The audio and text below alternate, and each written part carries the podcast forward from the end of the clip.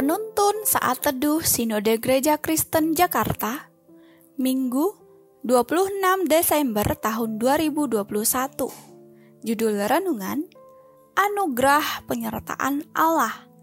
Nats Alkitab terambil di dalam kitab Yesaya pasal 43 ayat 1 sampai 7 Allah adalah satu-satunya penebus.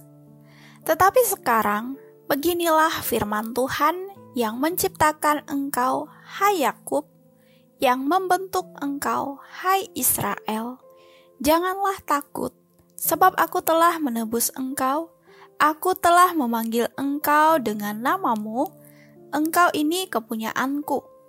Apabila engkau menyeberang melalui air, aku akan menyertai engkau.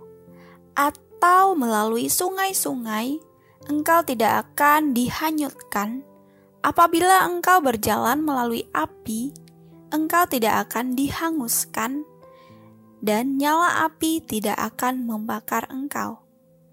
Sebab akulah Tuhan Allahmu yang Maha Kudus, Allah Israel, Juru Selamatmu.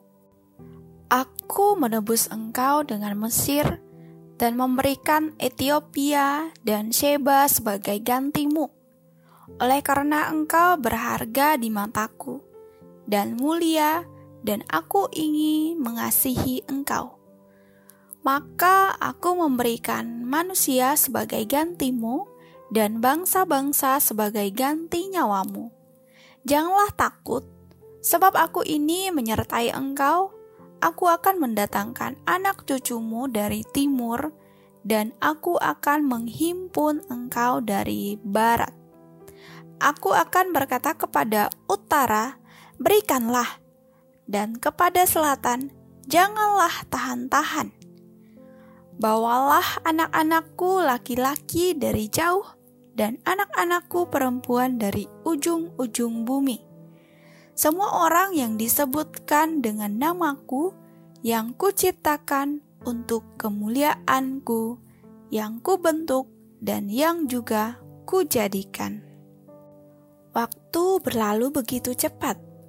Kita akan segera meninggalkan tahun 2021 dan memasuki tahun 2022. Perjalanan hidup kita sepanjang tahun 2021, baik suka maupun duka, telah menjadi masa lalu. Namun, sadarkah kita bahwa hidup ini sungguh berharga?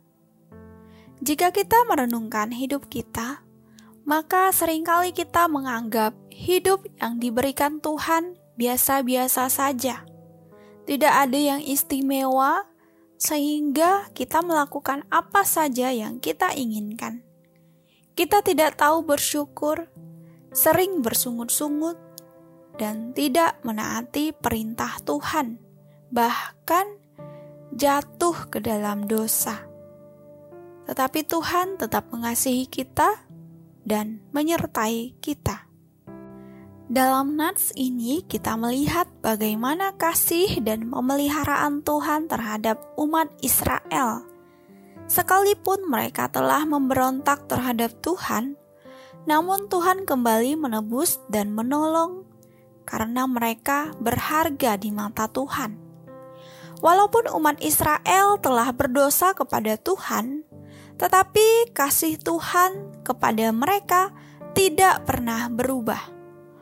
Ungkapan kasihnya, oleh karena engkau berharga di mataku dan mulia, dan aku ini mengasihi engkau. Ayat 4 Tuhan menginginkan umatnya agar kembali kepadanya karena mereka sudah ditebus dan menjadi kepunyaan Tuhan ayat 1. Tuhan tidak hanya mengungkapkan kasihnya kepada mereka, tetapi ia juga menghendaki agar umatnya kembali setia beribadah, menyembah, dan melayani Tuhan. Tuhan sungguh mengasihi umatnya dengan memberikan perlindungan kepada mereka dalam segala keadaan. Ayat 2 Perlindungan yang sedemikian membuktikan bahwa umatnya sungguh berharga di matanya. Dan janji firman Tuhan ini kemudian menjadi milik orang-orang yang menerima anugerah penebusan dalam Kristus Yesus. 1 Petrus 2 ayat 10 Di mata Tuhan kita adalah orang-orang pilihan Allah yang telah ditebus melalui pengorbanan Kristus di kayu salib. Kita berharga dan mulia bukan karena kita baik, bagus, indah, atau hebat, tetapi semata-mata karena kasih Tuhan. Kasih Tuhan tidak hanya menjadi kita berharga dan mulia, tetapi juga Tuhan mau memelihara dan menyediakan apa yang kita butuhkan. Maka, sudah sepatutnya kita harus mengutamakan Tuhan dalam seluruh hidup kita sebagai wujud syukur kita atas anugerah penyertaan Tuhan. Kita ini berharga dan mulia, bukan karena kita baik, bagus, indah, atau hebat, tetapi semata-mata karena kasih Tuhan. Amin. Terima kasih. Tuhan Yesus memberkati.